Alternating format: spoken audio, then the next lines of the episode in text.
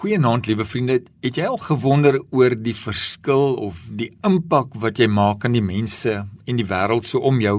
Dit voel dikwels of ons die wêreld inkom en dit weer sal verlaat sonder dat ons veel impak gemaak het.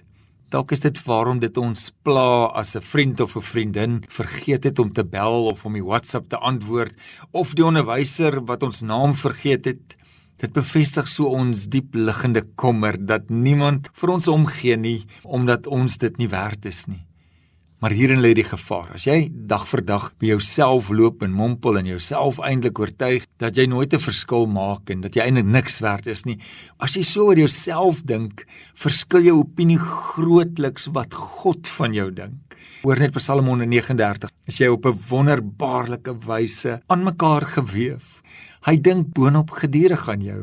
As jy God se gedagtes oor jou probeer tel, sê die Psalm, is dit meer as wat die sand in hierdie wêreld is. Kan jy sien hoe onvanpas 'n so waardelose gevoel? Dat jou lewe betekenis vir vol vir God is. Matteus 10 vers 29 tot 31 praat hy van is twee mossies nie vir sent te koop nie. En tog sal nie een van hulle op die grond val sonder die wil van julle Vader nie. Van julle is selfs die hare op julle kop almal getel. Moed dan nie bang wees nie. Julle is meer werd as baie mossies. Liewe vriende, die Here het sy kinders self gekies uit die gelede van mense wat in die oë van die wêreld gelyk het soos mense met niks betekenis uit die onsigbare massas wat nooit raak gesien word nie. Die Bybel vertel vir ons die verhaal van Dawid, die seun van wie almal eintlik vergeet het, omdat hy die onbelangrikste ene was in die hele huis.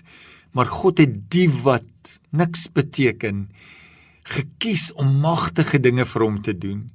Hy die seun van wie almal vergeet het gekies om die reusfilistyn te verslaan. As jy voel dat jy niks vir enigiemand beteken nie, onthou dan net dat die Here God jou gekies het om die vyand se beste soldaat aan te vat.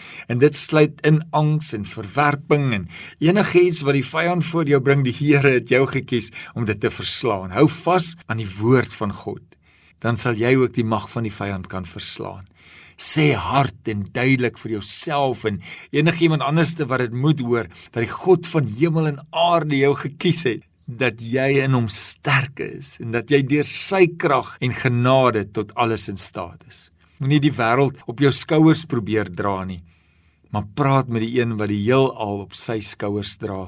So laaste vers, Handelinge 17 vers 27 sê: Hy is nie ver van enige een van ons af nie, want deur hom lewe ons, beweeg ons, bestaan ons. Amen.